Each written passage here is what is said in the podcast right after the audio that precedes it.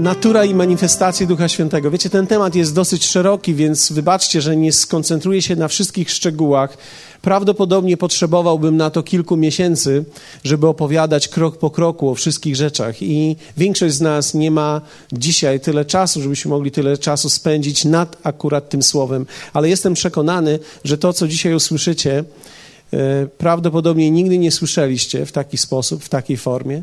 Większość z Was, być może niektórzy słyszeli wszystkie te aspekty, o których będę dzisiaj mówił, ale niektórzy nie słyszeli o tych wszystkich aspektach, więc niektóre rzeczy będą zupełnie dla większości z nas nowe. Ci, którzy słuchają nas na płytach, zachęcam Was, abyście poszli dalej, dlatego że temat wygląda na jakiś być może teologiczny, ale on jest bardzo praktyczny, dlatego że w Bogu nie ma teologii, która jest niepraktyczna. W Bogu nie ma teologii, która jest niepraktyczna. Każdy aspekt Boga jest w pewnym sensie praktyczny dla nas. Nie zawsze my go od razu widzimy.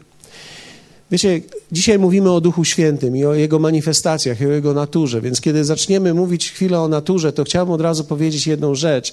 W Nowym i Starym Testamencie Duch Święty i natura Boża jest taka sama. Więc kiedy mówimy o Nowym i Starym Testamencie, nie mówimy o dwóch różnych bogach mówimy o jednym Bogu, który jest w swojej naturze taki sam i w taki sam sposób przedstawia siebie w Starym i w Nowym Testamencie. Kondycja człowieka była tylko inna. Zatem z powodu kondycji człowieka w Starym Testamencie i historii tej kondycji człowieka, bo my wiemy, że to nie była tylko jakaś kondycja, ale historia tej kondycji, zaczęło się od upadku w ogrodzie i ta historia dalej kroczyła spiralą w dół gdzie Bóg w swoim planie wyprowadzał swój naród aż do miejsca, w którym mógł przyjść Mesjasz, i w momencie, kiedy Mesjasz przyszedł, kiedy Jezus przyszedł, kiedy on umarł za nasze grzechy, zmieniła się kondycja ludzi. Kondycja ludzi uległa zmianie. Mam na myśli to, że dostępność rzeczy Bożych zmieniła się i zmieniły się warunki. Natomiast sam Bóg w swojej naturze jest ciągle ten sam. On jest cały, cały czas kochającym, dobrym, wspaniałym Bogiem. On cały czas taki był. Był taki w Starym Testamencie, jak również jest taki w Nowym Testamencie. Niektórzy mówią, nie, Bóg w Starym Testamencie był groźny, a w Nowym był miłujący. Nie, Bóg w Starym i w Nowym jest miłujący, natomiast kondycji, z powodu kondycji człowieka musiał wyrażać się na różne sposoby i stosować różne rzeczy, ponieważ taki był stan człowieka. Natomiast w momencie, kiedy Bóg doprowadził do miejsca, w którym stan człowieka mógł się zmienić, czyli uczynił nowego człowieka, od tego momentu rozpoczyna się zupełnie nowa historia objawienia Bożej dobroci względem człowieka i przemiany człowieka, która w końcu stała się możliwa. Zatem Bóg jest ten sam w Starym i Nowym Testamencie. Chciałbym, żebyśmy rozpoczęli naszą podróż e, manifestacji naturze Ducha Świętego od pierwszej królewskiej 19. Macie ten tekst przed sobą, więc posłuchajcie. A on odpowiedział: Gorliwie stawałem w obronie Pana Boga zastępów, gdyż synowie izraelscy porzucili przymierze z Tobą, poburzyli Twoje ołtarze, a Twoich proroków wybili mieczem. Pozostałem tylko ja sam, lecz i tak nastają na moje życie, aby mi je odebrać. Rzekł więc do niego: Wyjdź i stań na górze przed Panem, a oto Pan przechodził, a wicher potężny i silny, wstrząsający górami i kruszący skały, szedł przed Panem. Lecz w tym wichrze nie było Pana. A po wichrze było trzęsienie ziemi, lecz w tym trzęsieniu ziemi nie było Pana. Po trzęsieniu ziemi był ogień, lecz w tym ogniu nie było Pana. A po ogniu cichy, łagodny powiew. Gdy go Eliasz usłyszał, zakrył płaszczem swoją twarz, wyszedł i stanął u wejścia do pieczary, a wtedy doszedł go głos: Co tu robisz, Eliaszu? Chciałbym zwrócić Waszą uwagę na manifestacje Boże. Bóg przychodzi do Eliasza, do Eliasza w szczególny sposób i Bóg przychodząc do Eliasza manifestuje się na różne sposoby. W niektórych rzeczach jest On, w niektórych go nie ma. I przychodząc, przychodzi najpierw w różnego rodzaju bardzo dramatycznych e, obrazach i w tym go nie ma, natomiast po tym wszystkim przychodzi jako cichy, łagodny powiew. I tutaj e, chciałbym od razu pokazać Wam, że jest to Jego natura, to jest natura Ducha Świętego, to jest, to jest dokładnie to, jaki On jest. Cichy, łagodny powiew. Piękno tego fragmentu jest takie, że Eliasz wiedział, że to jest Pan. Eliasz wiedział, że to właśnie Pan przyszedł. Nie było go w tych wszystkich innych manifestacjach, a w tej manifestacji był i zakrył swoją twarz. Wiecie, w Nowym Testamencie my dzisiaj jesteśmy w miejscu, gdzie my mamy przyjść z odsłoniętym obliczem. W Starym Testamencie mamy ludzi, którzy zak zakrywali swoje oblicze. W Nowym Testamencie apostoł Paweł w liście do Koryntian zachęca nas, abyśmy stali przed Panem z odsłoniętym obliczem. W księdze Joba czytamy w czwartym rozdziale, wersety 14-16, czytamy takie słowa. Strach mnie ogarnął i drżenie przeniknęło moje członki. Powiew musnął moją twarz, zjeżyły się włosy na mym ciele. Coś stanęło, lecz nie rozpoznałem jego wyglądu. Była to jakaś postać przed moimi oczyma i usłyszałem cichy szept. Jeśli możecie i chcecie sobie zaznaczyć te fragmenty, zachęcam Was, abyście zobaczyli je również w domu, w swojej Biblii, może nawet zaznaczyli je tam. Ale powiew musnął moją twarz i usłyszałem cichy szept. W Joba 26, 12, 14 natomiast czytamy, Księga Joba jest najstarszą księgą Biblii. Bardzo interesujące jest, że ona już sama w sobie odkrywa dla nas naturę Ducha Świętego. On już sam pokazuje nam, jaki jest. Swoją mocą uspokoił morze, a swoją mądrością zmiażdżył Rahaba. Od jego tchnienia rozjaśnia się niebo, jego ręka przebiła giętkiego węża. Oto zaledwie zarys jego dróg, a tylko jak cichy szept jego słowa słyszymy. Lecz któż zrozumie grom wszechmocy jego? Więc Job zestawia tutaj jego olbrzymią potęgę i siłę, tego, który ucisza wszystkie rzeczy wokół, wielkie burze. Tymczasem mówi o jego głosie, o rozpoznaniu go jako cichy szept jego słowa. Słyszymy. Wspaniałe, prawda? Kiedy patrzymy na Nowy Testament, kiedy patrzymy na Nowy Testament, w Ewangelii Marka w pierwszym rozdziale, werset 9-12, patrzymy na naturę Ducha Świętego, która została objawiona w momencie, kiedy Jezus był ochrzczony. I stało się w owe dni, że przyszedł Jezus z Nazaretu Galilejskiego i został ochrzczony przez Jana w Jordanie. I zaraz, kiedy wychodził z wody, ujrzał rozstępujące się niebiosa i ducha nań stępującego jako gołębica. E, nie, nie gołąb stąpił na niego, ale duch jako gołębica. To jest bardzo ważne, abyśmy to widzieli, dlatego że, wiecie, Duch Święty ma taką naturę. Ma naturę z, z jednej strony płochliwą, a z drugiej strony e, on się niczego nie boi. Ale ale z drugiej strony jest łagodny i osiada jak gołąb. Nie wiem, czy ktoś z Was kiedyś oglądał, w jaki sposób on siada. Jest bardzo delikatny, a z drugiej strony ukierunkowany. To jest niesamowite, jak Duch Święty jest przyrównany, że on usiadł tak jakby. Tutaj mamy słowo jako, ale tak jakby gołębica. I rozległ się głos z nieba: Tyś jest syn mój umiłowany, którego sobie upodobałem. I zaraz powiódł go duch na pustynię. Patrzymy na Stary Testament i widzimy naturę Ducha Świętego i możemy powiedzieć tak: Duch Święty mówi do nas cichym, łagodnym głosem. Kiedy człowiek rodzi się na nowo, kiedy wszedłeś do Jezusa i powierzyłeś mu swoje życie, to jest bardzo ważne, abyśmy to rozumieli. Bóg nie chce Twojego serca, Bóg chce Twoje życie. Większość ludzi źle to rozumie. Czasami my przyjmujemy go do serca albo oddajemy nasze serce. Bóg nie chce Twojego serca, Bóg chce Twoje życie. Amen. Wiecie, jest wielka różnica, dlatego że nie chodzi o to, jaką część siebie oddajemy. On chce całych nas. On chce nas całych. W momencie, kiedy jesteś zrodzony na nowo, to znaczy twój wewnętrzny człowiek jest odrodzony, Duch Święty nagle ma mieszkanie, w którym może zamieszkać. To jest cud, którego On dokonuje. Bardzo ważna rzecz, jeśli chodzi o Trójcę, musimy to rozumieć, może tak, musimy to umieć przyjąć, że tak naprawdę w rzeczywistości nieba, dzisiaj, tutaj, w tym miejscu, między nami Jezusa nie ma. Jezus siedzi po prawicy Ojca. Natomiast my żyjemy w epoce i w czasie i w rzeczywistości Ducha Świętego. Więc kiedy mówimy, że Jezus jest obecny, my rozumiemy, że natura Jezusa jest obecna, ale ona manifestuje się przez naturę Ducha Świętego. Duch Święty zatem jest obecny i tak naprawdę Duch Święty manifestuje Jezusa, bo taka jest jego rola i taki jest jego jakby układ w tej naturze Bożej. On wywyższa Jezusa i on zawsze wskazuje na Jezusa. Duch Święty mówi do nas cichym, łagodnym głosem. To znaczy, teraz, w momencie, kiedy jesteś zrodzony na nowo, w tym momencie Twój duch, Twój wewnętrzny człowiek ma zdolność słyszenia Boga. Po raz pierwszy w życiu jesteś w stanie go słyszeć, nie usłyszeć, dlatego że można czasami usłyszeć w ponadnaturalny sposób. Niektórzy ludzie mają zderzenie, nazwijmy to z Bogiem, i słyszą go, zanim jeszcze doświadczą wielu przemiany. Natomiast w momencie, kiedy człowiek jest zrodzony z Boga, ma w sobie zrodzoną zdolność do słyszenia Boga wewnątrz siebie. Jeśli powierzyłeś Panu swoje życie i zostałeś odrodzony, Duch Święty ma możliwość mówić do ciebie w Twoim wnętrzu.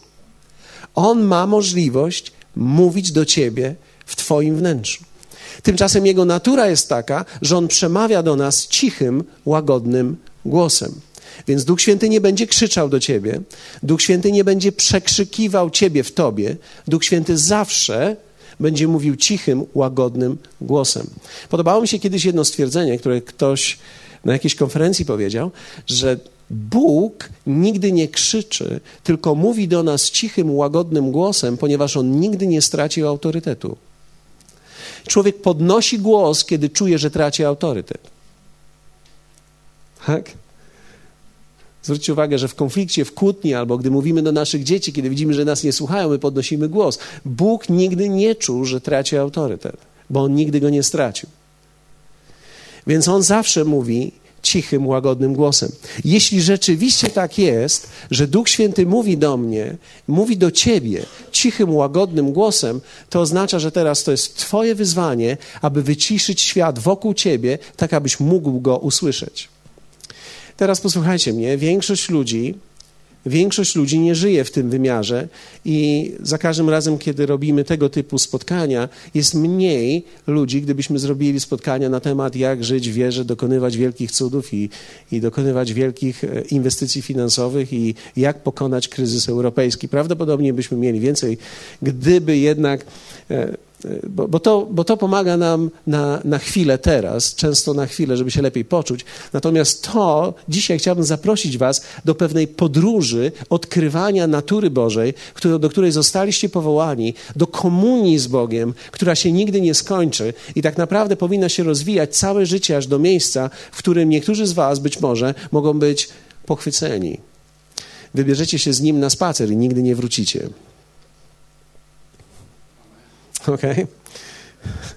Także e, w pewnym sensie z powodu tej natury Bożej, z powodu tego, że On jest tym, który przemawia do nas tym cichym, łagodnym głosem wewnątrz nas, to tak naprawdę zależy od nas, abyśmy my umieli wprowadzić siebie samych w taki rodzaj życia, abyśmy umieli go usłyszeć.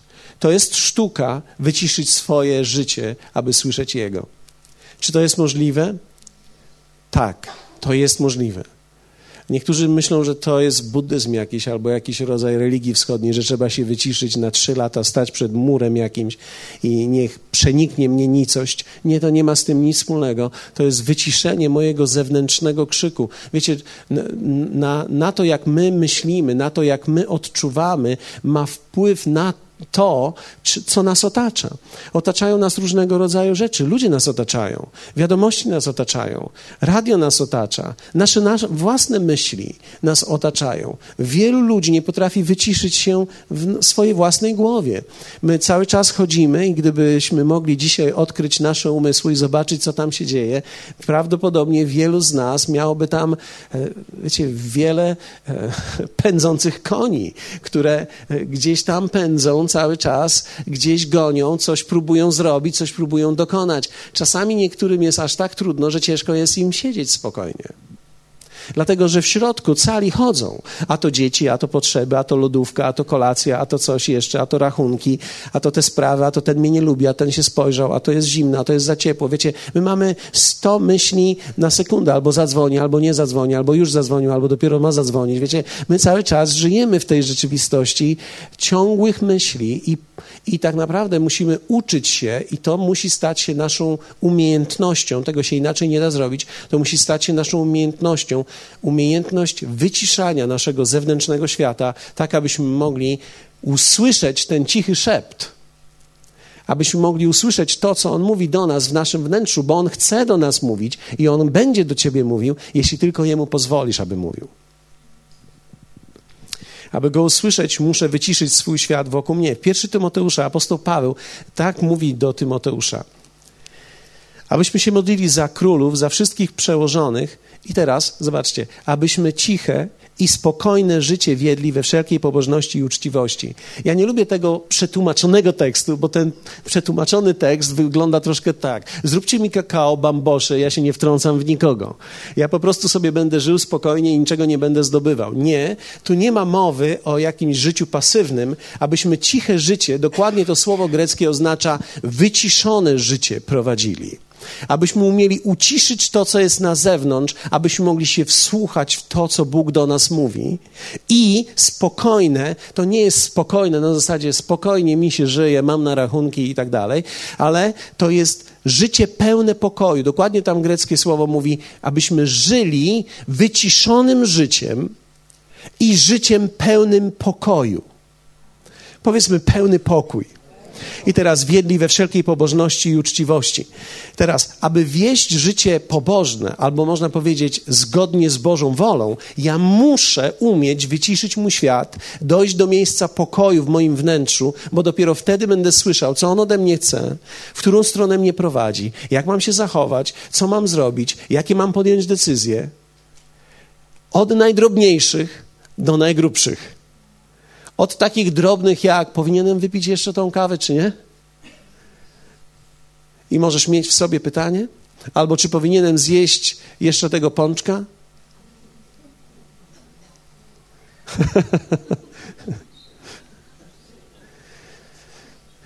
Do takich grubych jak czy, to jest mój mąż? Czy to jest moja żona? Nie, gdy już ich masz. Ale gdy myślisz o kimś, to jest Boża natura i to jest Boży standard życia.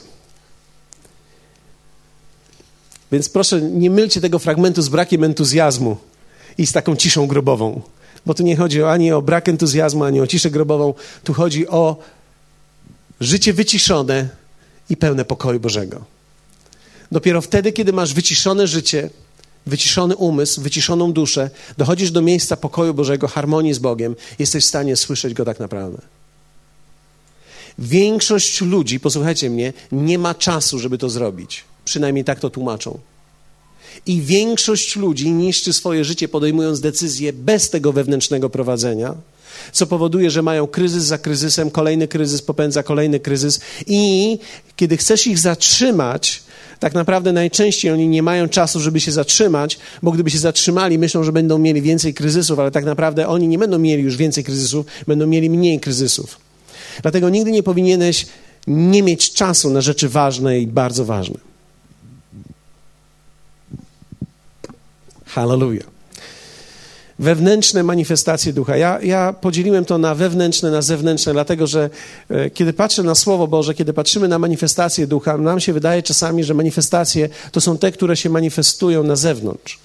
Ale wiecie, Duch Święty, kiedy patrzymy na cały Nowy Testament i Stary Testament, tak naprawdę porusza się w obu obszarach, ale najbardziej widzimy jego obszar poruszania się wewnątrz, czyli te wewnętrzne obszary. Nawet dzisiaj chciałbym pokazać Wam, że to jest właściwe, abyśmy tak widzieli, że Duch Święty między nami porusza się.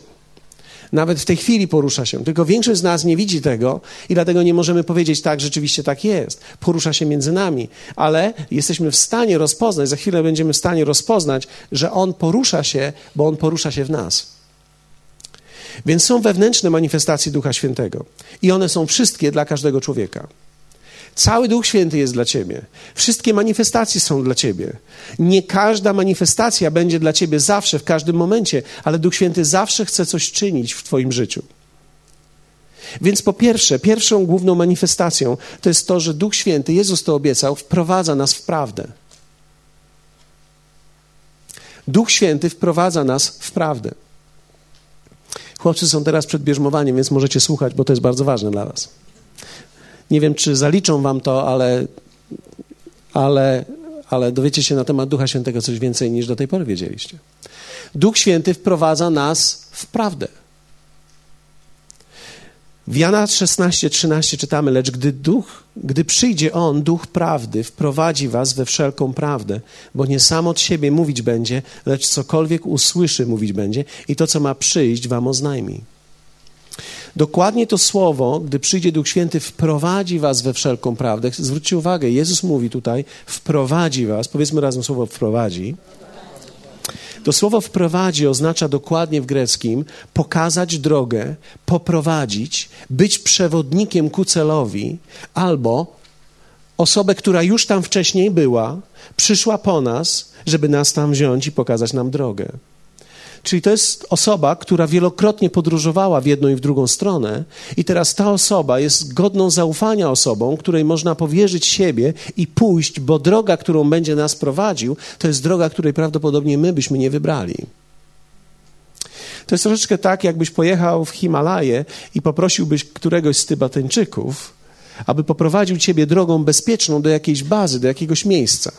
Gwarantuję ci, że każdy z nas prawdopodobnie całkowicie powierzyłby się jemu i jego prowadzeniu. Kiedy on powie, tego osła trzeba teraz rozsiodłać i zrzucić, bo nie przejdzie po tym mostku, to ty nie będziesz ryzykował, bo w dół masz trzy kilometry.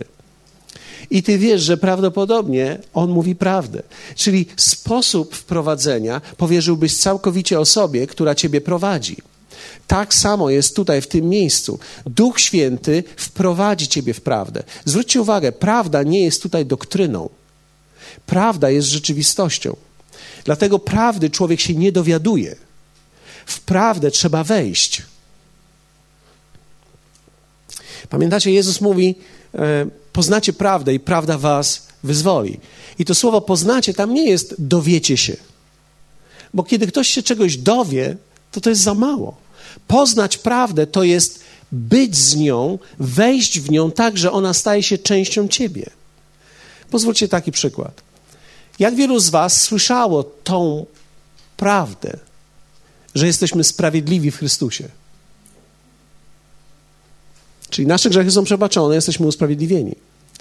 Ale jak wielu z Was wie, że nawet kiedy wiemy o tym tutaj, w dalszym ciągu wielu z nas zmaga się z odrzuceniem i z potępieniem. I czego tak naprawdę potrzebujemy w obecności tej prawdy? Potrzebujesz ty i ja, my potrzebujemy Ducha Świętego, który nas w tą prawdę poprowadzi. On nas musi poprowadzić ku tej prawdzie. Czyli ona automatycznie nie stanie się moją rzeczywistością.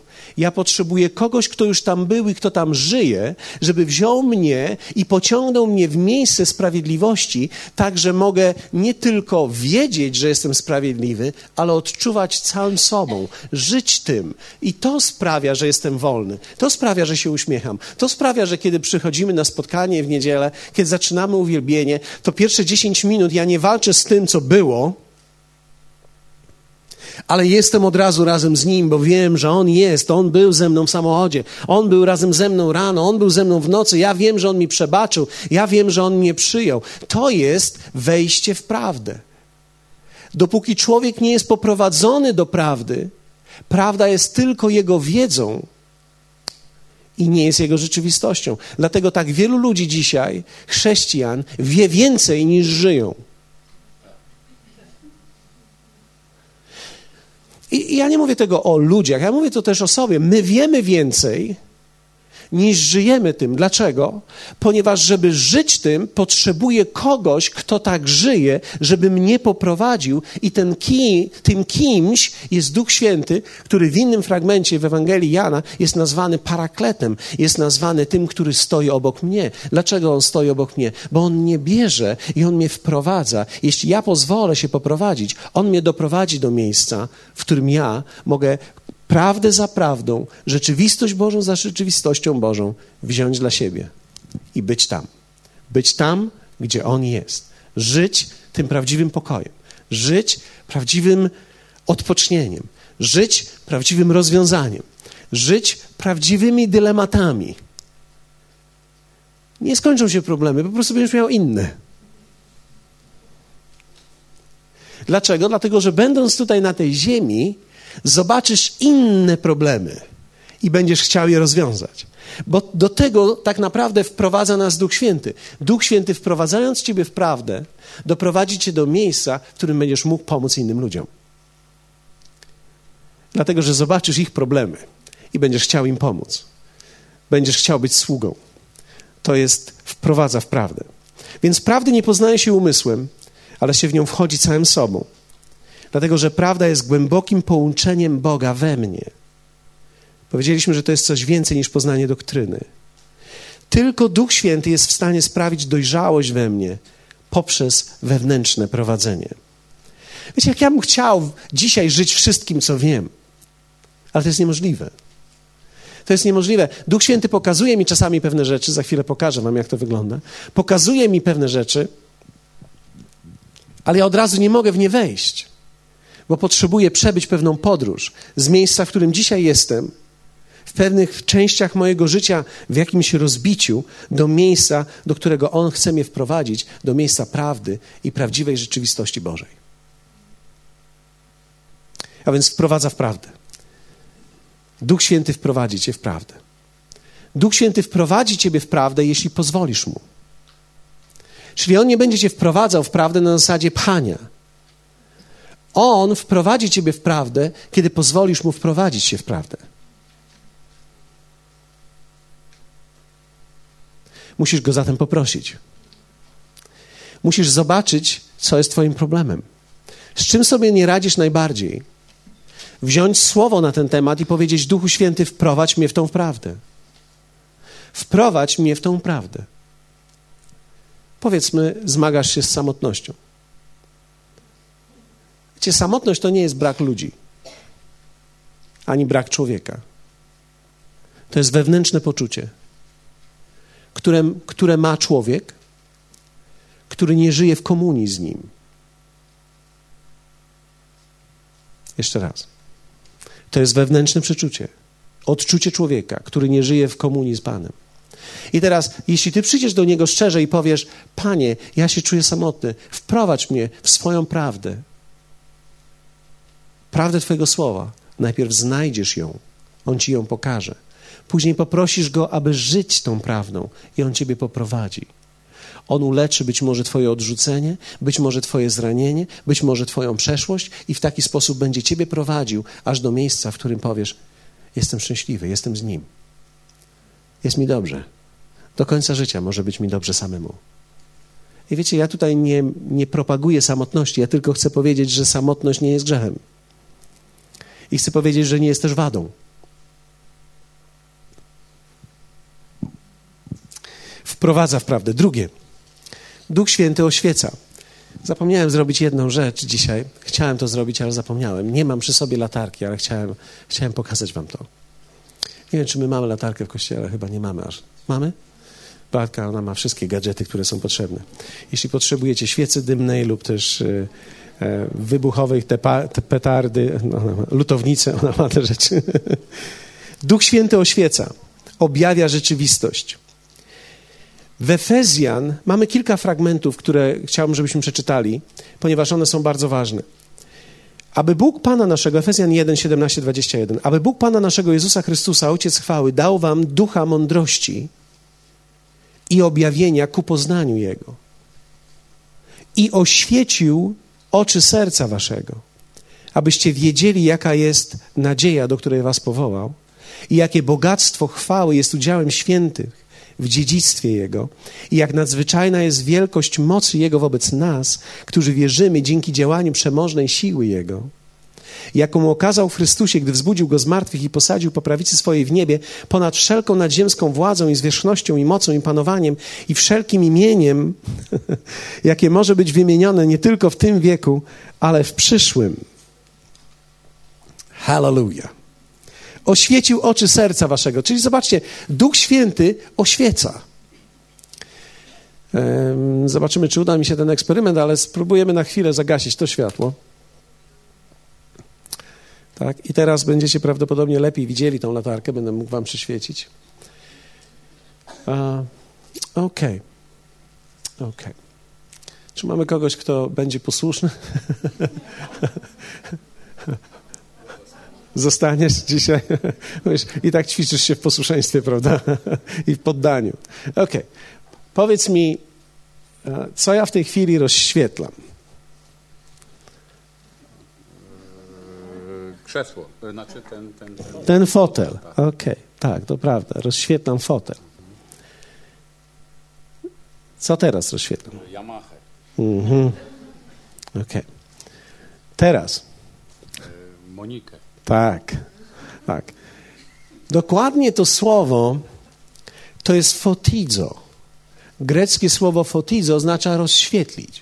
Rozświetlić to znaczy jest ciemno wokół i nagle Duch Święty rozświetla mi pewną rzeczywistość Bożą i pokazuje mi prawdę, pokazuje mi coś, czego do tej pory nie widziałem. A teraz wyobraźmy sobie, że jesteśmy kościołem, wszyscy prowadzeni przez Ducha Bożego. I teraz powiedzcie mi, co oświetlam teraz. Czy widzicie wszyscy?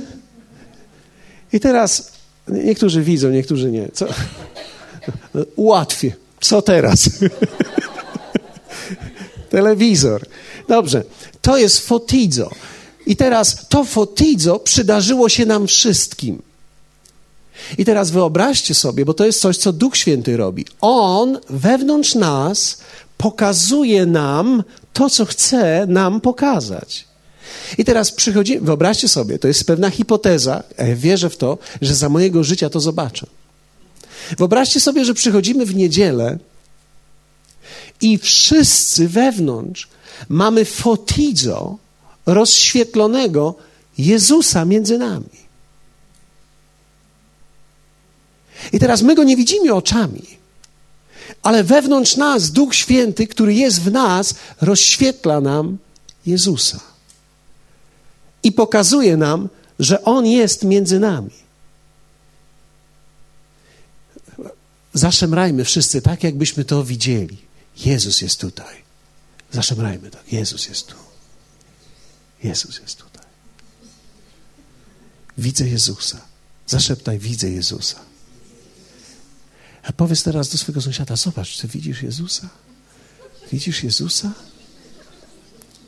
Okay, ja rozświetlam w tej chwili Samsunga, więc to nie za bardzo pasuje.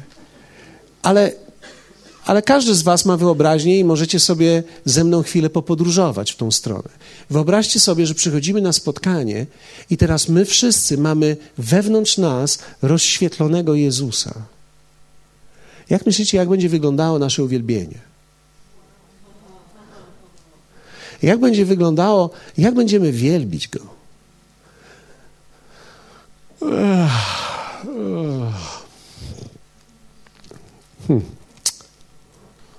Poczekam, aż zagrają mój utwór. Nie, nie będziesz miał takich odczuć, żadnych ludzkich nie będzie tego typu odczuć. Będziesz prawdopodobnie miał te ludzkie pokuszenia, będziesz odczuwał zimno, ciepło, zmęczenie, niedospanie, zdenerwowanie, ale wewnątrz ciebie będziesz miał rozświetlonego fotizo Jezusa. I to, że będziesz miał go rozświetlonego z powodu tego, że wszystko wokół ciebie jest ciemne, on jest rozjaśniony. Twoje uwielbienie wypłynie z ciebie. Będzie niesamowite. Kto z Was chciałby, żeby takie coś się zdarzyło w wodzie życia? Że my wszyscy przychodzimy w niedzielę I nagle mamy rozświetlonego Jezusa. Tak naprawdę wierzę w to, że dokładnie to jest to, co Duch Święty chce zrobić, kiedy my przychodzimy razem chce rozświetlić nam Jezusa w swojej obecności, abyśmy mogli Go zobaczyć i ujrzeć, abyśmy mogli Go zobaczyć w ludziach, ale też abyśmy patrząc na ten zwykły Kościół mogli dostrzec niezwykłość Jego działania, niezwykłość Jego istoty, niezwykłość Jego istoty w normalnych ludziach, których znam, a jednocześnie odczuć tą ponadnaturalność swoją i innych ludzi. Więc Duch Święty oświeca. W liście do Hebrajczyków w szóstym rozdziale, w wersecie 4-5 czytamy: Jest bowiem rzeczą niemożliwą, żeby tych, którzy raz zostali oświeceni, fotizo, znowu mamy tutaj to słowo, i zakosztowali daru niebiańskiego i stali się uczestnikami Ducha Świętego i zakosztowali Słowa Bożego, że jest dobre oraz cudownych mocy wieku przyszłego i tak dalej, i tak dalej, i tak dalej. Tam jest mowa o tym, że oni odpadli. Ale, ale chciałbym, żebyście, dzisiaj się nie koncentrujemy na tych, którzy odpadają, e, ale dzisiaj koncentrujemy się na tym, że zobaczcie, oś, po oświeceniu, tak? Którzy zostali oświeceni. Oświecenie, czyli fotizo, coś zostało mi rozświetlone, sprawiło, że ja mogę wejść, zakosztować daru niebieskiego. Co to, co to jest tym darem niebiańskim? To wszystko, co Duch Święty mi rozświetla. To wszystko, co On mi fotizo. To, co On mi podświetla, że w tej ciemności mojego życia, w ciemności ta, która mnie otacza, nagle rozświetla mi to i ja widzę to. I to jest pewna duchowa rzeczywistość, Boża rzecz. Na przykład pokazuje mi radość w Panu. Albo pokazuje mi moje odkupienie. Albo pokazuje mi moje przebaczone grzechy. Albo pokazuje mi to, że mogę w nim mieć pełnię wszystkiego. I teraz, kiedy pokazuje mi to, to jest tak jak zaproszenie. Ja mogę z tego skorzystać, wejść w to i skorzystać z tego daru niebiańskiego. Te wszystkie rzeczy, o których Słowo Boże mówi, które czytaliśmy w liście do Efezjan, jaka jest nadzieja, do której Was powołał, to jest dar niebiański. To jest ta nadzieja. To jest to, że nie jesteś tu przez przypadek. To jest to, że Bóg, mimo Twojej ułomności, prowadzi Ciebie dalej i mimo Twojej słabości i takiego często ludzkiego wzgardzania sobą, On nie gardzi Tobą, On nie rezygnuje z Ciebie, On prowadzi Ciebie ku tej nadziei, bo On ma nadzieję względem Ciebie. On wierzy w Ciebie bardzo. Nikt nie wierzy w Ciebie tak, jak Twój Bóg wierzy w Ciebie, bo On Ciebie uczynił i On dał Tobie to wszystko. Nie przez przypadek się nawróciłeś, nie przez przypadek dzisiaj tu siedzisz, nie przez przypadek słyszysz o tym. I On daje ci tą nadzieję. To znaczy, że ty możesz ją wziąć. To znaczy, że wychodząc stąd nie musisz być człowiekiem bez nadziei, ale możesz czuć, że ta nadzieja w tobie jest. Możesz zakosztować z tego daru niebiańskiego. To jest ten dar niebiański. On jest prawdziwy. On nie jest niebieski. On nie jest jakąś iluzją. On jest prawdziwy. Zobaczcie, nadzwyczajna wielkość mocy Jego wobec nas. O bogactwie chwały. Nie jest chwały u Was też?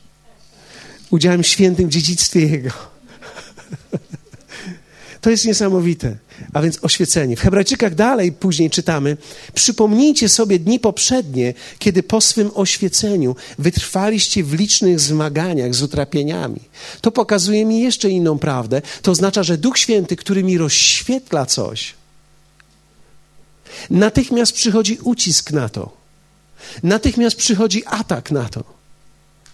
Natychmiast przychodzi diabeł, żeby ci to ukraść, ponieważ to, co zostało rozświetlone, wzbudziło w tobie zachwyt, krok wiary i ty chcesz w to wejść. Diabeł natychmiast przychodzi, żeby to wykraść.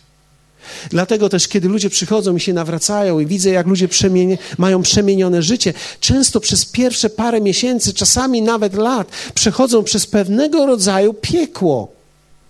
Z jednej strony atak, z drugiej strony atak, z tej strony atak, z tej strony atak. W praktyce mogę powiedzieć, prawie każdy człowiek, prawie każdy z nas, gdyby miał dać świadectwo zaraz po nawróceniu, zaraz po oświeceniu, po każdej nowej prawdzie, zawsze przychodzi jakiś atak. Najczęściej, kiedy o tym mówię, przypomina mi się e, świadectwo Mirka i Izy. Kiedy oni się nawrócili i byli nowi w kościele, trafili w bardzo takim momencie swojego życia, wiecie, wydawało się, że wszystko jest w porządku. Wtedy ktoś z kościoła ewangelizował im, to był Wojtek z Moniką razem, spotykali się z nimi rozmawiali. Oni byli, mieli okazję być pierwszy raz czy drugi raz w kościele i natychmiast zaraz po tym dowiedzieli się, że ich dziecko jest chore.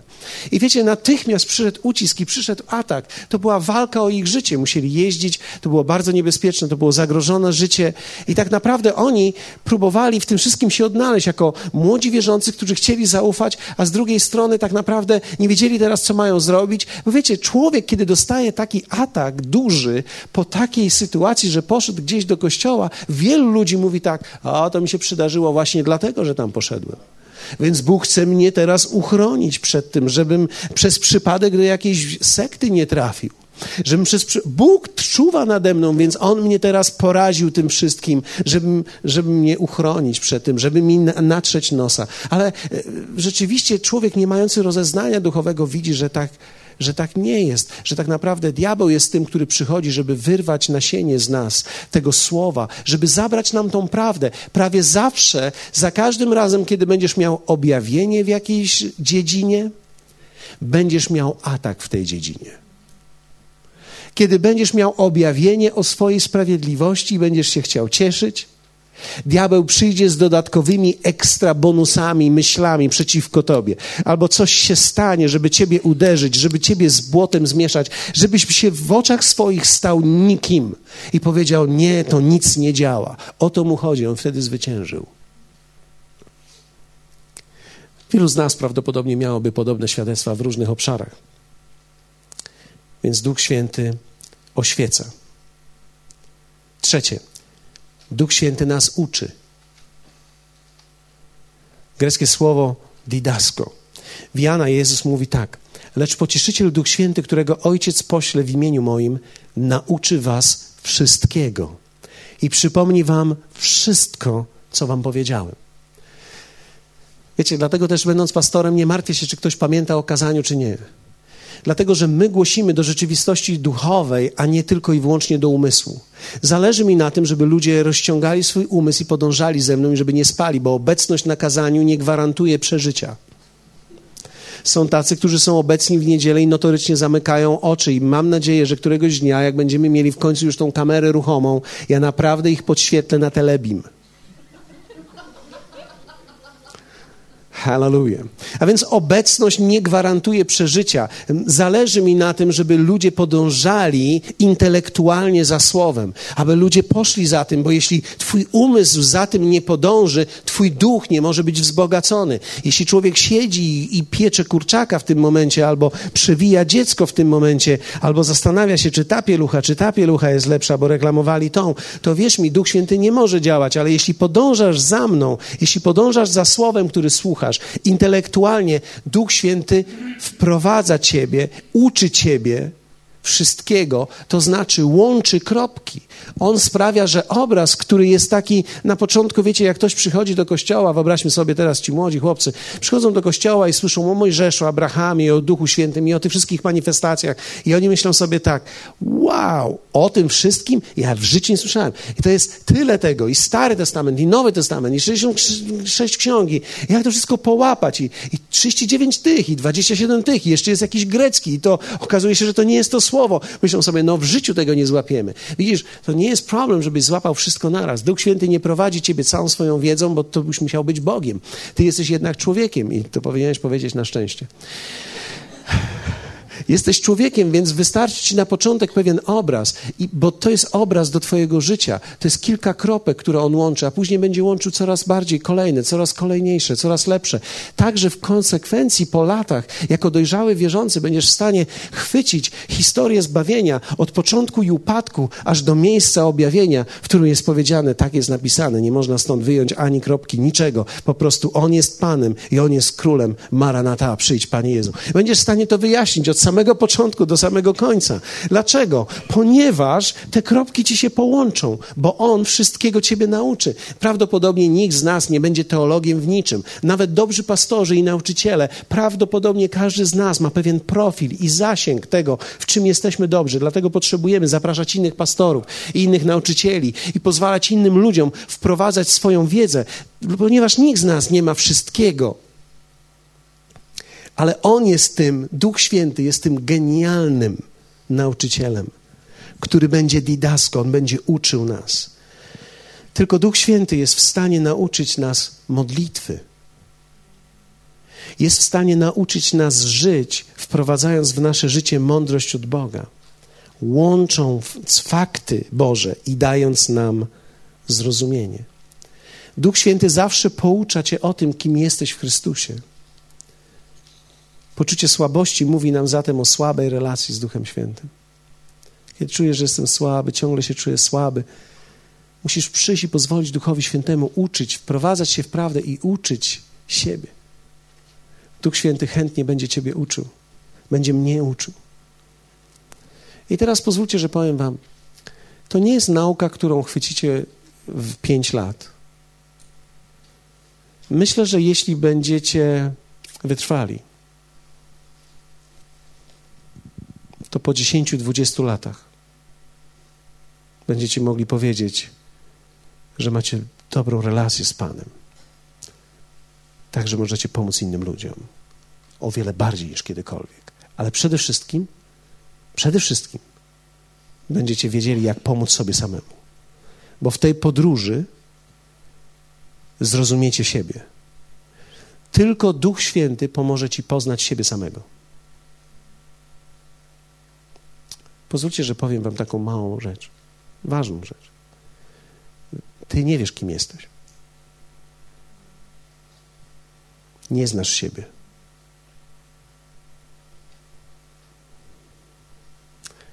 Nie wiemy, kim jesteśmy. Jak wielu z Was może to widzieć, że my nie wiemy, kim jesteśmy. Znaczy, oczywiście ja wiem, jestem mężczyzną, tak? nie mam wątpliwości, tak? mam na imię Paweł Godawa. Ja rozumiem, jestem Polakiem. Korzenie mam gdzieś też tam chyba polskie. E... No, możliwe, możliwe, nie wiadomo. Ktoś mi mówił tam Lady Godiva, ale nie wierzę w to. Ja bardziej myślałem, że może Godiva chocolate, ale zawsze mi pasowało, że jest to w środku to God i to myślę sobie, że to było stanowiące wszystko. Jeśli God jest w środku, jest dobrze. Ale my nie wiemy, my zaczynamy, my nie wiemy. My przychodzimy i zobaczcie, pierwsze co my się dowiadujemy w Chrystusie, jesteśmy nowymi stworzeniami. Wszystko stało się nowe. Wszystko, nowy jesteś. My się dowiadujesz, jak się rodzisz, no, nowy jesteś teraz. I wszystko stało się nowe, to jest cała wiedza. I teraz każdy z nas zadaje pytanie przez życie, co stało się nowe. Wszystko się w tobie stało nowe. Twoje odczucia, twoje przeżycia, w oparciu o Twoją duszę będziesz poleczony, wyleczony, tak że będziesz zupełnie inny niż byłeś na początku. Gdy ktoś Cię spotka po 20 latach, Twój język się zmieni. Nie tylko wyłysiejesz, mówię o mężczyznach, bo niektórzy tak. E, nie tylko nabierzesz wagi, stracisz wagi. Wiecie, no nie tylko fizjonomia się zmieni. Najsmutniejsze dla mnie to jest to, że ja spotykam niektórych wierzących po 10-15 latach, fizjonomia się zmieniła ale oni swoim tekstem nie. Ciągle mówią to samo. To jest tak, jakbym ich spotkał gdzieś i nic się nie zmieniło. Dlatego też modlę się i wierzę w to, że Duch Święty ma dla ciebie przygodę, że ty będziesz inny za, za 10, 15, 20 lat. Będziesz zupełnie innym człowiekiem. Gdy, gdy zaczniesz otwierać usta, będziesz w innym miejscu. Ty będziesz wiedział, że jesteś w innym miejscu. Będziesz mówił inaczej, bo już jesteś kimś innym. Odkryjesz siebie, kim jesteś. Odkryjesz, kim jesteś. Tylko Duch Święty wprowadzi ciebie w to. Rośniesz, kiedy czytasz Słowo, ale też przede wszystkim rośniesz, kiedy Słowo czyta ciebie. Dlatego, że jest wiele pytań o sobie na które ty musisz odpowiedzieć, na które nie masz odpowiedzi, dopóki Duch Święty nie objawi ci. Dlatego potrzebujesz bliskiej relacji z Nim, żeby się dużo o sobie dowiedzieć.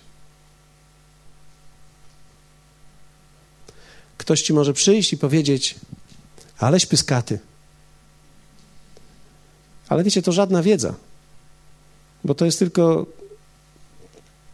pewna zewnętrzność, pewna reakcja, która jest w tobie. i ty prawdopodobnie odpyskujesz na to. A ty spójrz na siebie. Albo wymyślisz inne rzeczy. Żebym ci ja nie powiedział. Albo... Wiecie, my jesteśmy w, w, ty, w te rewolwery, to my wiemy, jak grać. Tą broń mamy już przerobioną. W moim biurze czasami, kiedy mamy rozmowę, mam wrażenie, że otoczyło mnie stado wrogów.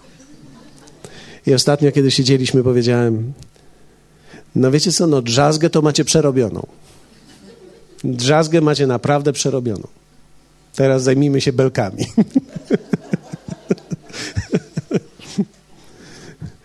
Ale to tak jest rzeczywiście, że wiecie, ca cały świat, my odkrywamy tak naprawdę siebie w Bogu. Dlatego też w biurze my też przeżywamy różnego rodzaju rzeczy między nami, bo to nie jest zwykła praca. My się odkrywamy, my się zmieniamy. My się spotkaliśmy 5, 10, 15 lat temu, a my jesteśmy inni dzisiaj. I musimy e, co tydzień się uczyć żyć z kimś innym. Ja już myślałem, że go znam, a myślałem, to nie, to nie jest tak. Więc, więc my się uczymy żyć z kimś innym. To samo też jest w naszym domu, w małżeństwie. My jesteśmy zupełnie inni dzisiaj po tych dwudziestu paru latach, niż byliśmy kiedyś. Żelazka nie są tak ciężkie. Więc manifestacje mamy te wewnętrzne. Jak wielu z Was widzi, że Duch Święty porusza się między nami? Bo Duch Święty przede wszystkim, kiedy my się zbieramy razem, kiedy jest Jego chwała, kiedy jest Jego obecność, będzie nam rozświetlał różne rzeczy. Kiedy my wielbimy Pana, Duch Święty rozświetla nam rzeczy. Czasami rozświetli nam osobę jedną, a czasami rozświetli każdemu z nas coś innego w Bogu. I my wszyscy się radujemy różnymi rzeczami. W danym momencie każdy z nas może przeżywać, nawet kiedy masz ciężar, możesz być pocieszony.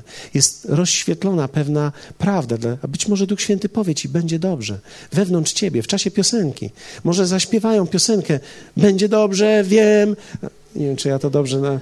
Będzie dobrze, wiem. I, I nagle w tą, w, tą, w tą pieśń, w ten tekst, ten dźwięk, nagle, nagle Duch Święty tchnie i, i nagle to jest dla ciebie i, i nagle ty czujesz, że to śpiewasz że to jest Twój tekst, że to jest Twoja pieśń i coś się w Tobie czyni, coś się w Tobie dzieje. To jest manifestacja Ducha Świętego. My mamy mnóstwo tych manifestacji na spotkaniu.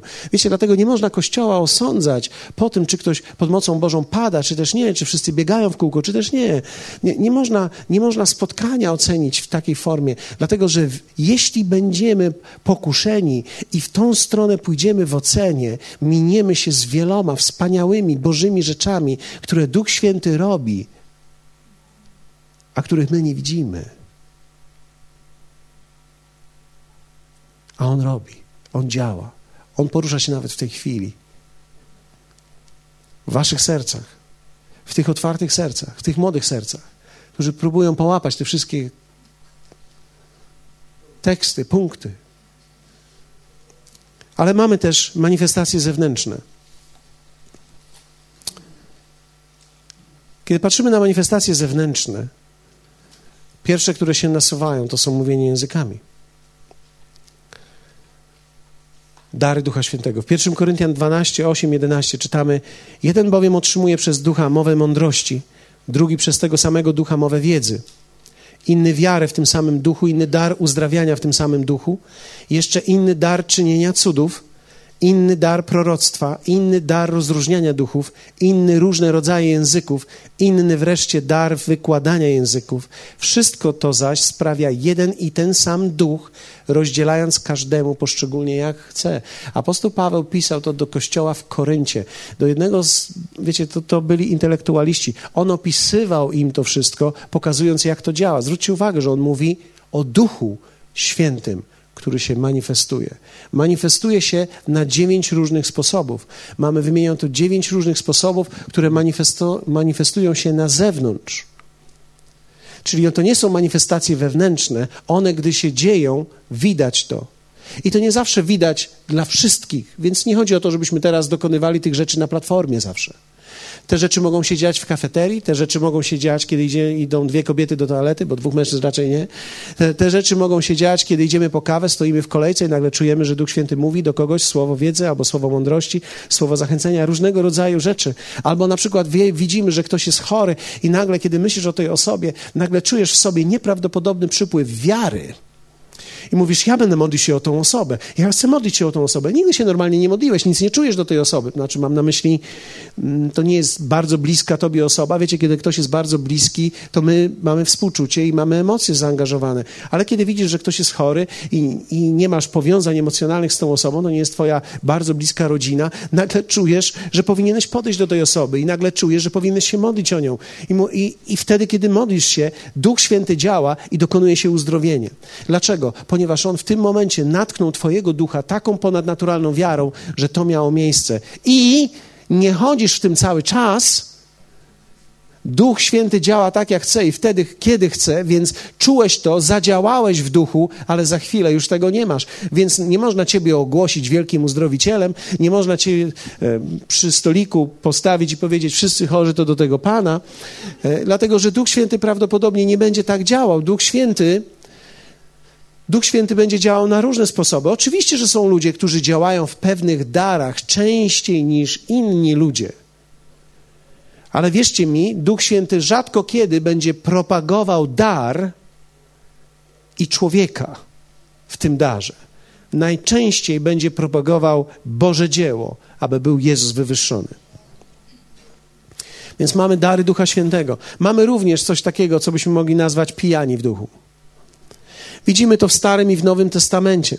Widzimy o upijaniu. Apostoł Paweł mówi o piciu ducha, o upijaniu się duchem, o nieupijaniu się, o nieupijaniu się winem, ale o byciu pełnym ducha, tak? Ale kiedy mówi o byciu pełnym ducha, on ma na myśli to, że można również, będąc pełnym ducha, mieć nawet jakby zachowania e, wyglądające na to, że człowiek jest pijany. Kiedy patrzymy na dzieje apostolskie, drugi rozdział, gdy apostołowie zostali wypełnieni Duchem Świętym, wyszli na ulicę, inni ludzie myśleli, że oni są pijani. Tak się zachowywali. Ja nie wiem, czy mieli jakiś rodzaj obłędu w oczach, czy wyglądali jakoś tak. W każdym razie, bez względu na to, jak wygląda to nielogicznie, oni działali logicznie, i byli całkowicie pod kontrolą tego, co się działo. Byli poddani jednak Bogu, ponieważ bycie pełnym ducha oznacza również, że moje ciało jest poddane Jemu całkowicie. Wielu ludzi, którzy nie mówią językami, bo wiecie, kiedy patrzymy na, na dziewięć darów Ducha Świętego w pierwszym Koryntian, to nie jest ten dar mówienia językami, który jest wymieniony w czternastym rozdziale listu do Koryntian, który jest nazwany inaczej, to są glosolalia. Glosolalia, dar mówienia innymi językami jest dla każdego człowieka, dla każdego wierzącego, niezależnie od tego daru z 1 Koryntian 12. Dlatego, że to nie jest dar, który będziesz używał, gdy Duch Święty będzie chciał, ale to jest dar, który możesz używać za każdym razem, kiedy ty chcesz. Więc mówienie językami z, z, pierwszego listu do Koryntian, z tego kategorii tych dziewięciu darów, to jest inny dar mówienia językami. To jest dar mówienia językami w konkretnym celu do konkretnych ludzi. Natomiast mówienie językami nie ma celu do konkretnych ludzi, jest uwielbieniem i modlitwą wstawienniczą wewnątrz ciebie. Także możesz używać to nawet robiąc zakupy, idąc do sano. Polecam. Prawdopodobnie wtedy kupisz to, co powinieneś kupić. Wiecie, ja niektóre rzeczy nie, nie, odpowiem na wszystkie pytania, ale rzucę to, abyście mogli jakby rozważać to. Więc pijani w duchu mamy to również. Widzimy to w Starym Testamencie, widzimy prorokinię, która, widzimy kobiety, które poruszały się w duchu, miały usta tak jakby pijane i tak dalej. Więc ja nie chcę pokazywać wam tych wszystkich fragmentów, ale mamy przez całe Słowo Boże różnego rodzaju manifestacje. Mamy również prowadzenie ku szczególnej modlitwie o kogoś lub o coś. To są niewysławione westchnienia. Mamy manifestacje, które nie są koniecznie językiem. Widzimy, że ludzie czasami wzdychają i, i czasami e, wydają pewnego rodzaju okrzyk. I ja e, powiem wam, e, czasami Czasami Duch Święty tak może działać w nas, że w jakiś sposób wytwarza w nas pewnego rodzaju dźwięk. Nie wiem, czy wy kiedykolwiek mieliście, ale czasami modlimy się o kogoś i dochodzimy do takiego miejsca, że nie wiemy dokładnie, jak się modlić, o co się modlić. Modlimy się językami, ale czujemy w duchu pewnego rodzaju takie e, wsparcie, aby nawet wołać o tą osobę. I czasami to brzmi nawet bardzo śmiesznie i nielogicznie i tak, a, o, hallelujah! I to, o, to nie jest jakaś ekscytacja, która wynika z tego, że, że ja teraz ekscytuję się, bo, bo widzę piłkę i, i, i, mecz, ale po prostu coś w duchu we mnie działa tak, że nagle mogę zamanifestować to w taki sposób. Niektórzy ludzie wtedy się boją, niektórzy uciekają. Mm, jeśli są wokół nas niedojrzali ludzie, myślą, że coś się dzieje, więc polecam robić to samemu w samochodzie, ale nie na światłach.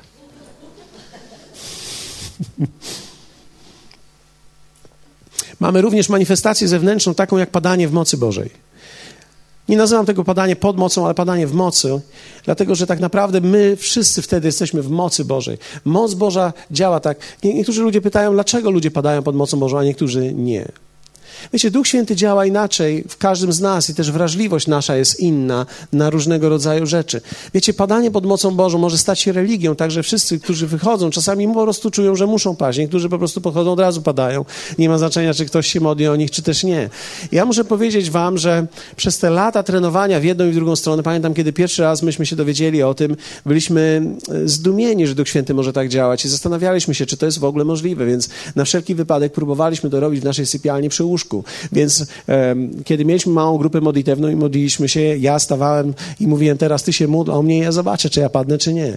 I wiecie, modliliśmy się tak długo, aż padłem. Nie wiem, czy ja padałem wtedy z tego, że modlili się już tak długo i po prostu pomyślałem sobie, jedyny sposób, żeby to skrócić, to jest po prostu paść i wstać czy też, e, czy też tak naprawdę myśmy tego doświadczali, ale wiecie, po pewnym czasie, kiedy zobaczyliśmy, że to jest prawdziwe, rzeczywiste, realne przeżycie i że tak naprawdę człowiek, kiedy pada pod mocą Bożą, to nie jest jakaś manifestacja dla wszystkich ludzi, proponuję tego nie nagrywać. Wiecie, kiedy widzę, że te rzeczy są nagrywane i pokazywane, gdy są pokazywane wierzącym ludziom, ja to rozumiem, ale kiedy świat to widzi, świat nie ma możliwości tego zrozumieć. Świat myśli, że to jest jakiś rodzaj obłędu, że jesteśmy już w całkowitym letargu, że to jest jakiś rodzaj wudu. Wydaje mi się, że to nie jest najlepsze do programu programu telewizyjnego, o czym myśmy się zdołali tutaj w kościele przekonać. Ale jeśli chodzi o samo doświadczenie w sobie, ono jest bardzo realne i to jest bardzo dobre doświadczenie. Apostoł Paweł nie mówi o tym jednak w takim czymś, w takiej kategorii, że powinniśmy wszystkiego zawsze doświadczać i zachować, ale wybierać to, co jest dla nas. Niektóre rzeczy y, w pewnym czasie przemijają i nie, nie, nie, nie zawsze padamy za każdym razem. Wiecie, ja był taki moment, że padałem zawsze, a później był taki moment, że znowu nie padałem, myślałem, że co jest ze mną źle. Wiecie, nasz skręcony umysł będzie nas zawsze zwracał uwagę na rzeczy, które nie są istotne, bo w konsekwencji co to ma za znaczenie, czy ja padłem, czy nie padłem. Chodzi o to, żebym przyjął coś od Boga. Nie chodzi o to, czy ja przyjmę to na stojąco, czy na ziemi. Nie ma znaczenia. Czasami Duch Święty chce zadziałać w taki sposób. I wtedy, kiedy padam pod mocą Bożą, wtedy jest to wszystko w porządku. Wtedy jest wszystko dobrze i wtedy dokonuje się pewna rzecz. Pamiętam, e, kiedyś padłem niekontrolowanie. Pozwólcie, że wam jeszcze powiem o tych paru rzeczach, dobrze? Ja już kończę, ale pozwólcie, że powiem. Oni muszą jechać, więc może... To jest dobrze. Pamiętam, pojechałem kiedyś do Szwecji, e, do Paula Forsiena, do pastora jego Hokana Gnisty. I tam byliśmy na konferencji i tam nauczał e, Carl Gustav Severin. I kiedy Karl Gustav Severin nauczał, myśmy siedzieli na balkonie z tyłu, to był w tym czasie duży kościół, liczył ponad 300 osób, znaczy duży, no duży jak na tamte warunki szwedzkie, więc e, ponad 300 osób, myślę, że około 400 osób na spotkaniu. Duża sala, piękna sala kinowa. Myśmy byli z moją żoną na balkonie. Przyjechaliśmy tacy zdruzgotani, ponieważ było to gdzieś w, w 90 chyba drugim albo trzecim roku. Ciebie nie było, tak. Nie było ciebie, tak, rzeczywiście. Przecież gdybyś była, to bym pamiętał. E, I wiecie, to było gdzieś 92 albo 93 rok. Byliśmy wtedy w to bardzo trudnej sytuacji. Byliśmy wspólnotą charyzmatyczną, chcieliśmy być kościołem, ale to był problem i wielu ludzi odeszło z kościoła. Ja, ja przyjechałem tam na tą konferencję bardzo pobity. Przyjechałem tam całkowicie zdruzgotany i myślałem sobie, co ja tutaj robię. Tu jest wielki kościół, wspaniałe rzeczy. Co ja mam do zaoferowania ludziom? Nic nie mogę ludziom dać. Większość moich przyjaciół mnie opuściła w tamtym czasie. I wiecie, stałem tam na balkonie, to jest tak balkon jakby tutaj i Karl Gustav Severin mówi, ej ty, ty tam. I wyjaśnił, kto to ten tam był i to okazało się, że ten ten to ja. I on mówi, chodź tutaj. I wiecie, on zaczął prorokować i zaczął prorokować i mówi tak, jesteś pastorem i jesteś załamany, jesteś zdruzgotany, ponieważ ludzie odeszli, ale Pan mówi, ja przyprowadzę właściwe owce do twojego miejsca, ci, którzy będą poddani głosowi, ci, którzy odeszli, ja uzdrowię Ciebie. Wiecie, kiedy ja usłyszałem te słowa, człowiek mnie pierwszy raz widzi, ja go pierwszy raz widzę, on wie, kim ja jestem, mówi o mnie wszystko, czyta całą moją historię. Duch Święty spoczął na tamtym miejscu w taki sposób, że ja nie upadłem, ja padłem. Ja nie upadłem, jak, ja nie upadłem delikatnie, na porządkowych mnie grzmotnęło. Ja poleciałem do tyłu, ja, ja, ja tam leżałem, leżałem i płakałem przez dwie godziny. Kilka osób podeszło do mnie i wiecie, ten, z tym całym, tym całym szlochaniem, tymi łzami, to uzdrowienie weszło we mnie. Cała gorycz, cały ból odszedł. Ja całkowicie byłem uzdrowiony. Wstałem z tego miejsca. Nie wiedziałem, co się stało. Byłem lekki. Byłem szczęśliwy. Czułem, że mam szansę. Czułem, że jest mi przebaczone. Nie czułem, że teraz mi nie zależy na tych ludziach, ale czułem, że jestem uzdrowiony. Mogę myśleć o nich w pokoju. I pomyślałem sobie, Bóg ma plan dla nas. I wiecie, to było wspaniałe. To było piękne doświadczenie. Życzę wszystkim ludziom właściwego padania pod mocą. Niektórzy ludzie nie padają, bo widzieli, jak inni padali i oni tak nie chcą.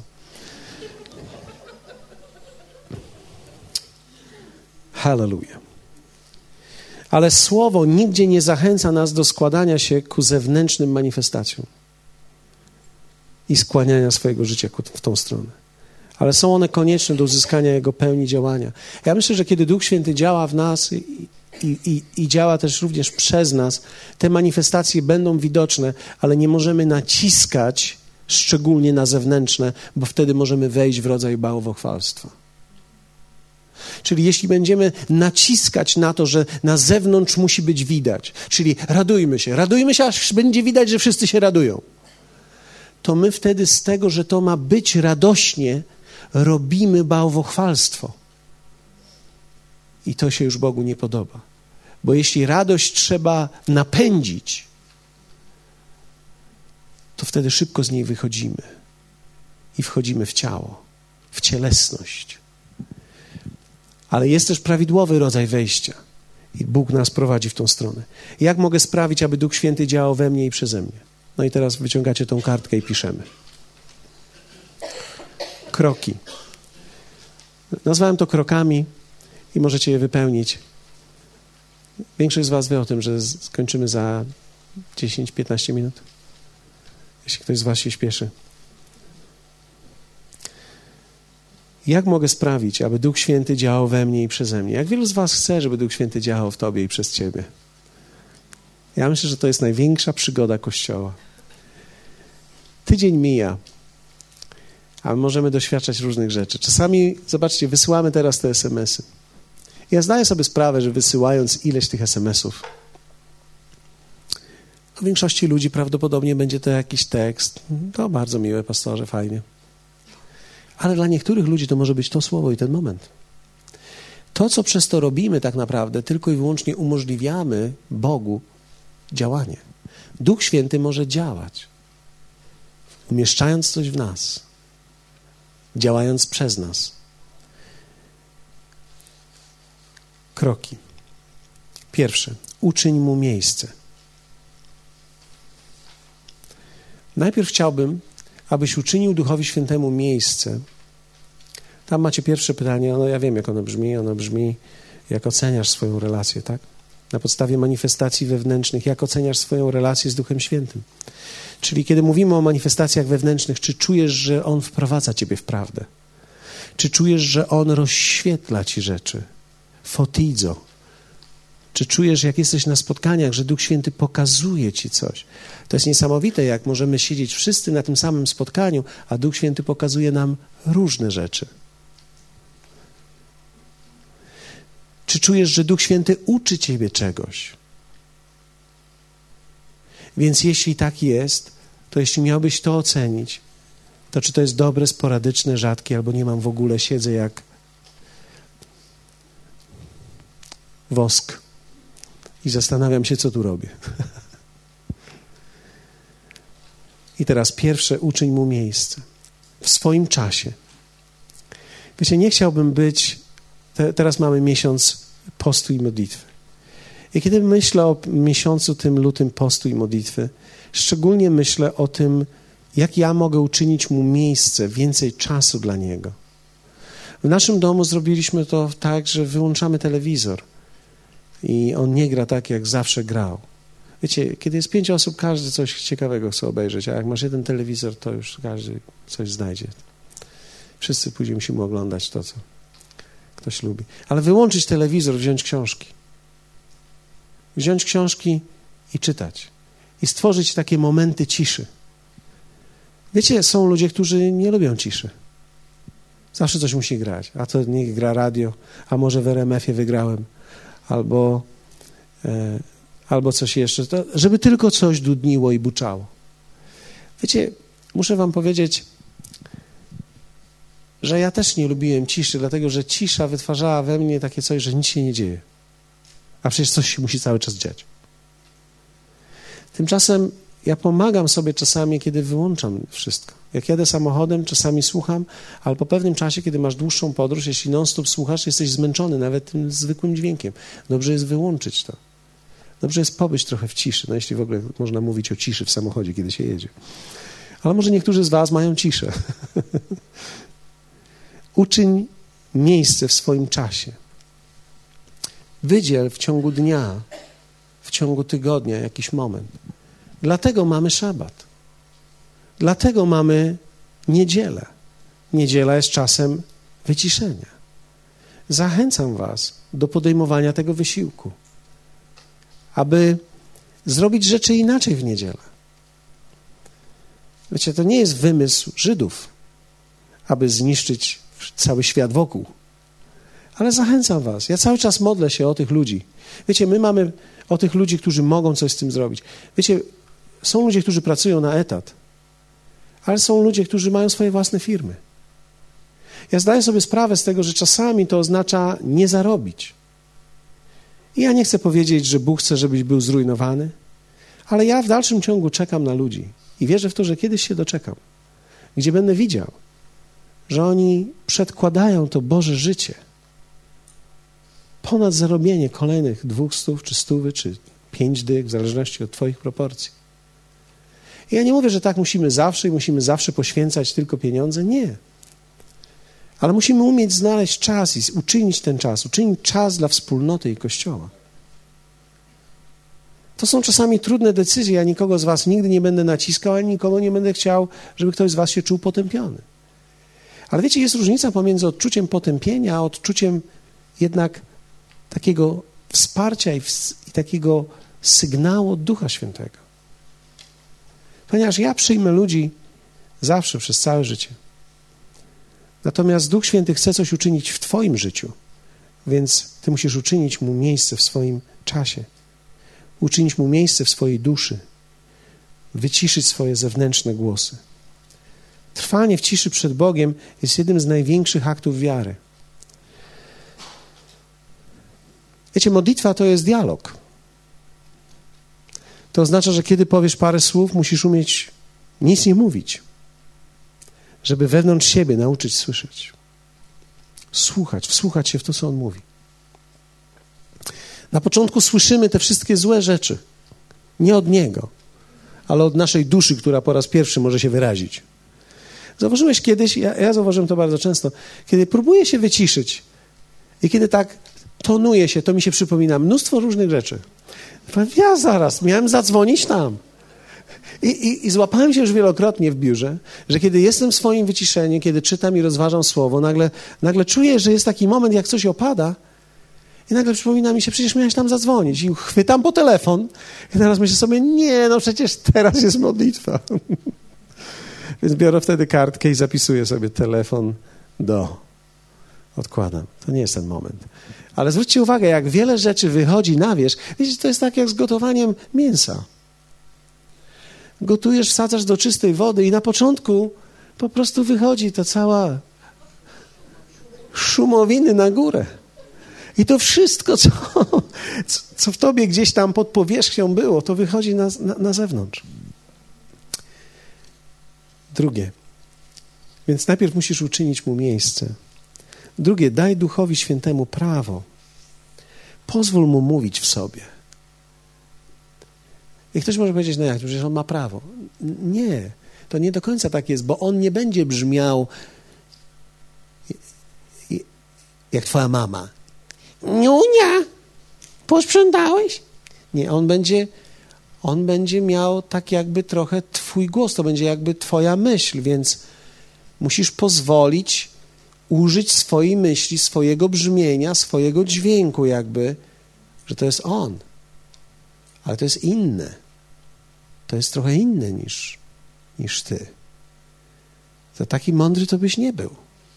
To tak wpadłeś na coś i nagle, no, wow, o, ojej, Ojej, to, no to, jest, to jest całkiem mądre. To jest, to jest, to jest genialne. To jest genialne. Nie, niepotrzebnie czujesz, jak on mówi tak, wycisz się, niepotrzebnie się denerwujesz, niepotrzebnie się martwisz.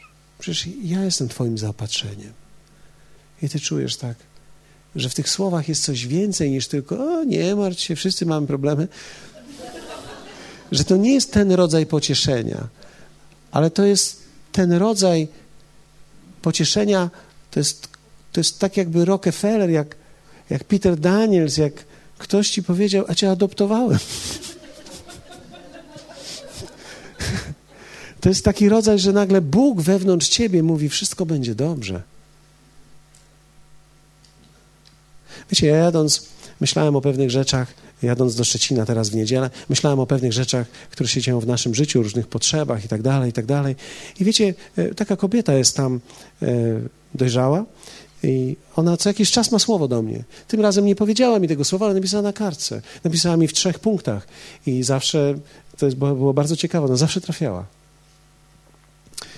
I wziąłem to słowo od niej i ona mówi, pastorze, ja nie mogę ci dzisiaj, bo nie masz czasu, ale ja ci tylko napisałem. I pierwsze słowo, które dostaję, to jest Bóg mówi do ciebie, pastorze Pawle, ona tak do mnie pisze, żeby ci powiedzieć, żebyś się nie martwił, bo On jest twoim pasterzem i niczego ci nie zabraknie.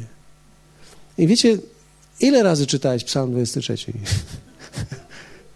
Ja mogę go śpiewać, ja się budzę, ja, ja, ja go ja go recytowałem, ja, ja śpiewałem go na różne sposoby. Pan pasterzem, nie brak mi niczego. Ja śpiewałem na różne sposoby. Śpiewałem najpierw po takiemu, później po zielonemu, później po charyzmatycznemu, później po baptystycznemu. Śpiewałem go na wszystkie sposoby. Tymczasem jeden taki tekst, nagle Duch Święty wewnątrz ciebie się podnosi i ty słyszysz, jak on mówi to do ciebie. I to nie jest w tym momencie tylko tekst, w tym jest pewna rzeczywistość, w tym jest wiara, w tym jest zapewnienie, w tym jest to właśnie coś. Dajesz mu prawo, żeby mówił w tobie. Dajesz mu prawo do działania w tobie i przez ciebie. Dajesz mu prawo, że, że kiedy naprawdę cię coś dotyka, łzy chcą ci lecieć i wtedy ty nie robisz tak, trzeba się otrząsnąć z tego. Nie, nie powinieneś. Z czego się otrząsać chcesz? Z Ducha Bożego? Co się... Pozwól, pozwól, pozwól mu dokończyć tego dzieła. No co z tego, że się łzy ci lecą i, i wyglądasz, już jesteś dorosły facet i płaczesz jak dziecko. Ale jest w porządku. To cię leczy. Dajesz mu prawo do tego, żeby mógł on przez twoje ciało działać również. Czasami byłem na różnych spotkaniach i kiedy coś się działo, czasami ręce mi drżą. I, one, i te ręce mi drżą, teraz udaję, bo tak mi teraz nie drżą, ale one drżą mi tak. I wiecie, ja nie wiedziałem, co mam z tym zrobić, więc je tak trzymałem, a one tak mnie drżą. Ale ja czuję Jego obecność, czuję, że coś się dzieje, czuję, że za chwilę coś się będzie działo, będzie mówił do mnie. Czasami to mam, gdy ja mam mówić. I wiecie, podnoszę ręce, później myślę sobie, a co tam, niech się trzęsie, a co mi teraz będzie, będę myślał, czy ktoś widzi, że się trzęsie. Jeśli on mną trzęsie, niech mną trzęsie, no. Ale, ale ja nie chcę na nikogo wpłynąć trzęsieniem. Ani też nie chcę się koncentrować, czy ktoś to widzi, czy nie teraz. Czasami tak to człowiek przeżywa. Pozwól mu. Daj mu, daj mu swój język, poddaj mu swój intelekt. Daj mu prawo do swojego języka. Pozwól, żeby on mówił do ciebie. Kiedy zaczynasz mówić językami, pozwól, żeby to płynęło. Wiesz, Duch Święty będzie zmieniał nawet ton, muzykę twoich tekstów, które wypowiadałeś. Zmieni się to na zupełnie inne, ponieważ będziesz modlił się o różne rzeczy. Będziesz śpiewał w duchu, będziesz mówił w duchu, zmienisz język, raz będziesz brzmiał na hiszpańsko, raz na arabsko. Ale to jest w porządku. I nigdy się nie zastanawia dlaczego. Po prostu poddaj daj mu prawo. Trzecie, poddaj mu siebie. Poddane naczynie to jest, to jest nie tylko poddanie, ale to jest podjęcie ryzyka.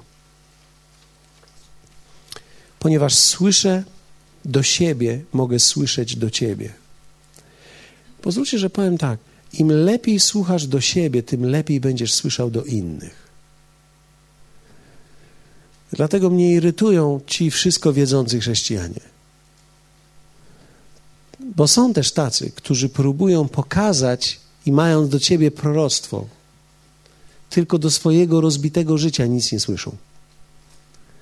I widzisz, to jest niebezpieczne, bo kiedy człowiek nie słyszy do siebie, rzadko będzie słyszał do innych. Ale to wcale nie oznacza, że w ogóle nie słyszy. Ale to oznacza, że ty nie jesteś radiem, żeby ciągle do każdego mówić, Waldku, ja teraz mam też do ciebie słowo i teraz, i bracie, do ciebie też mam słowo. Do tego się dojrzewa. Myślę, że każdy człowiek może prorokować. Ty możesz prorokować. Biblia mówi, że ty możesz prorokować. I apostoł Paweł mówi, że chce, żebyś ty prorokował. Czym jest proroctwo? To jest słowo, które Bóg mówi wewnątrz ciebie, twoimi ustami do drugiego człowieka. Czasami będzie mówił do ciebie, ale w większości są to słowa do innego człowieka. Nie zawsze to musi brzmieć, tak mówi Pan. Czasami to brzmi jako sugestia, czasami to może brzmieć jako zwykłe słowo, ale to Bóg jest w tym. Im lepiej słuchasz do siebie, tym będziesz lepiej słyszał do innych. Dążcie do miłości, apostoł Paweł mówi, starajcie się też usilnie o dary duchowe, a najbardziej o to, aby prorokować. A więc staraj się, aby prorokować. Zobaczcie, tu jest powiedziane, żeby się starać prorokować. Większość ludzi się nie stara prorokować. Większość ludzi czeka. Ty masz się starać prorokować. Co to znaczy? Korzystać z okazji, że jesteśmy razem. Nawet kiedy kończy się spotkanie w niedzielę, to ty nie myślisz sobie, o, teraz wypijemy herbatę, kaweczkę, z kimś pogadamy, będzie fajnie. Ale ty jesteś pełen oczekiwania i myślisz sobie, z kim mogę porozmawiać, ponieważ w niektórych momentach patrzysz po ludziach i mówisz, ten potrzebuje zachęcenia? Podejdę do tego, chwilę zapytam, co słychać u ciebie. Za chwilę patrzysz po ludziach i mówisz, a z tą siostrą się już dawno nie widziałem. A to jest nowa osoba. Wow, ciekawe jak masz na imię. Czy potrzebujesz czegoś? I nagle, nagle tworzysz w sobie pewnego rodzaju gotowość do tego, by służyć. Nie zawsze służysz mówiąc. Czasami służymy siadając i najpierw zadając pytania. Czasami widzę, nie wiem, czy to zrobiłeś celowo, czy nie, ale czasami widzę, jak Waldek wyszedł z kościoła, za chwilę wrócił tu i usiadł. Już miał wyjść, już się spakował, już poszedł i wrócił. I usiadł z kimś i siedzi. Siedzi, rozmawia, 15 minut mija, wstaje i idzie. I przecież ja wiem, że on nie jest nerwowy. To znaczy nie na tyle, żeby wyjść i wrócić z powrotem. Prawdopodobnie myśli sobie, nie, jeszcze mam chwilę czasu, z kimś porozmawiam, może komuś coś pomogę, może coś, może coś włożę w kogoś. Jest tak wielu młodych ludzi, potrzebują wsparcia, potrzebują zachęty, potrzebują czegoś. No dobrze. Jakie. Drugie, jakie praktyczne rzeczy możesz zrobić, aby budować lepszą relację z Duchem Świętym? I tu mamy czas, danie prawa, poddanie, podkreśl. Co praktycznie chciałbyś zrobić? Możesz nawet to zapisać. Potrzebuję dać mu więcej czasu, potrzebuję nauczyć się wyciszać. Pamiętaj, że to piszesz do siebie, więc zabierasz to ze sobą. Ale wiecie, nie ma nic piękniejszego w życiu jak odkrywanie samoświadomości. Miejsce, w którym ja sam jestem. Dlatego mamy te warsztaty. I ja się nie przejmuję, wiecie, że te warsztaty nie wyglądają dzisiaj jak przebudzenie trzytysięczne. Ja mam wielką przyjemność, że mogę uczyć Was, tych, którzy chcecie danego tematu, ponieważ wiem, że my pójdziemy dalej w ten sposób, bo to jest bardziej precyzyjne. Rzadko kiedy w czwartki mogłem pójść tak głęboko, jak dzisiaj poszedłem. Trzecie, w wybranych obszarach, jakie praktyczne kroki możesz podjąć, aby mieć lepszą relację z Duchem Świętym? Wymień trzy rzeczy, które zrobisz.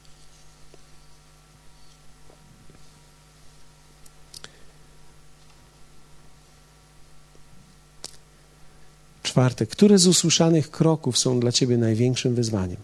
Wymień jedną rzecz. Co jest najtrudniejsze dla ciebie?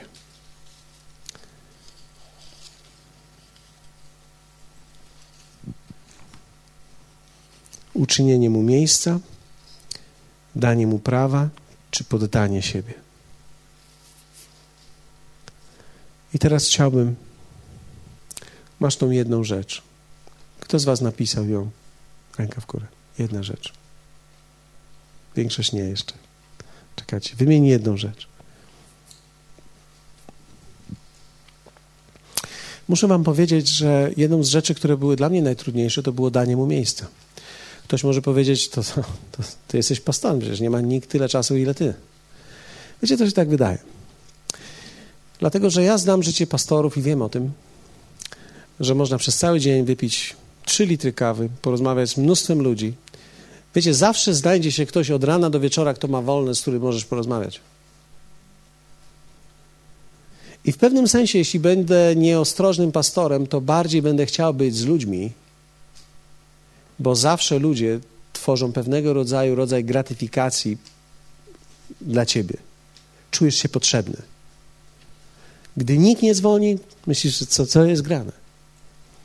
Ale wiecie, ja u, uczę się w ostatnich latach spędzania czasu z nim. I zobaczyłem, że to był dla mnie najtrudniejszy moment. Nie wiedziałem, jak mam to zrobić. Teraz, teraz stworzyłem pewien program cały do tego, jak mam to robić. I trzymam się tego. I widzę, jak jestem dzisiaj. Zacząłem to cztery lata temu i muszę powiedzieć Wam, że widzę, w jakim miejscu dzisiaj jestem i jak, jakim miejscu mogłem być, gdybym tego nie zrobił. Prawdopodobnie bym rozbił siebie i, i tak naprawdę nie byłbym w stanie prawidłowo prowadzić kościoła, gdybym nie uczynił miejsca dla Niego. Dlatego, że wierzcie mi, ja podchodzę bardzo poważnie do wszystkiego. Kazań niedzielnych, słowo, które mam. Zdaję sobie sprawę z tego, że wiecie, niektórych ludzi mamy tylko przez 2-3 lata, niektórych przez 5, niektórych przez 10, niektórzy będą tylko znani przez całe życie. Ale wiecie, Kościół jest jak akwarium. Żadne akwarium po 20 latach nie wygląda tak, jak je zaludniłeś, gdy zacząłeś. Każde akwarium przeżywa różnego rodzaju rzeczy. Czasami przeżywa e, trudności, czasami przeżywa zmianę pH i, i padają ci paletki i to, co najpiękniejsze, pada. Wiecie, mm, rośliny się rozwijają, a niektóre czasami padają, jakaś jedna choruje, zaraża wszystkie inne. Akwarium, no, czasami patrzysz po 10 latach i masz tam akwarium, pięć rybek. Gdyby tam w tym akwarium miało być tyle rybek, które już kupiłeś, to byłoby po prostu wyglądały jak puszki w sardynce. Ale masz mega akwarium, pięć rybek i to malutkich, w których masz nadzieję. Ale wiecie, Bóg powołał nas do tego. I ja podchodzę do tego bardzo poważnie, więc ponieważ mamy niektórych ludzi na pewien moment, niektórych, niektórzy ludzie, wiecie, przyjdą tylko raz. Ja wiem, że dla niektórych ludzi to jest życie lub śmierć. Za każdym razem dla mnie, gdy ktoś przyjdzie drugi raz, to znaczy, że coś się zadziało w nim. Ale dla niektórych ludzi będą tylko raz, więc zdaję sobie sprawę z tego, że ja muszę być na tyle wrażliwy na to, żeby pomijam teraz to, czy naszym ludziom się to spodoba, czy nie, sięgnąć tą jedną duszę, dla której być może to jest życie lub śmierć. Więc zwracam uwagę wtedy na wszystko. I ponieważ to jest tak dla mnie istotne, wiecie, gdybym nie uczynił tego czasu dla niego, tego miejsca, nie byłbym wystarczająco wrażliwy. Ja myślę o tych rzeczach. I dziękuję Bogu za to, że mogę to tworzyć. Nie jestem doskonały w tym. Jeśli ktoś z Was szuka miejsca doskonałości, nigdy nie będziesz czuł się fantastycznie. Będziesz zawsze czuł się w procesie. Ja jestem w takim miejscu, więc nie próbuj dzisiaj powiedzieć, o, jeszcze mi daleko brakuje, bo ja też to mogę powiedzieć, gdybym miał mówić o mojej doskonałości, dlatego Bóg powołał nas do wieczności. Mhm. Mhm. Więc teraz chciałbym, żebyśmy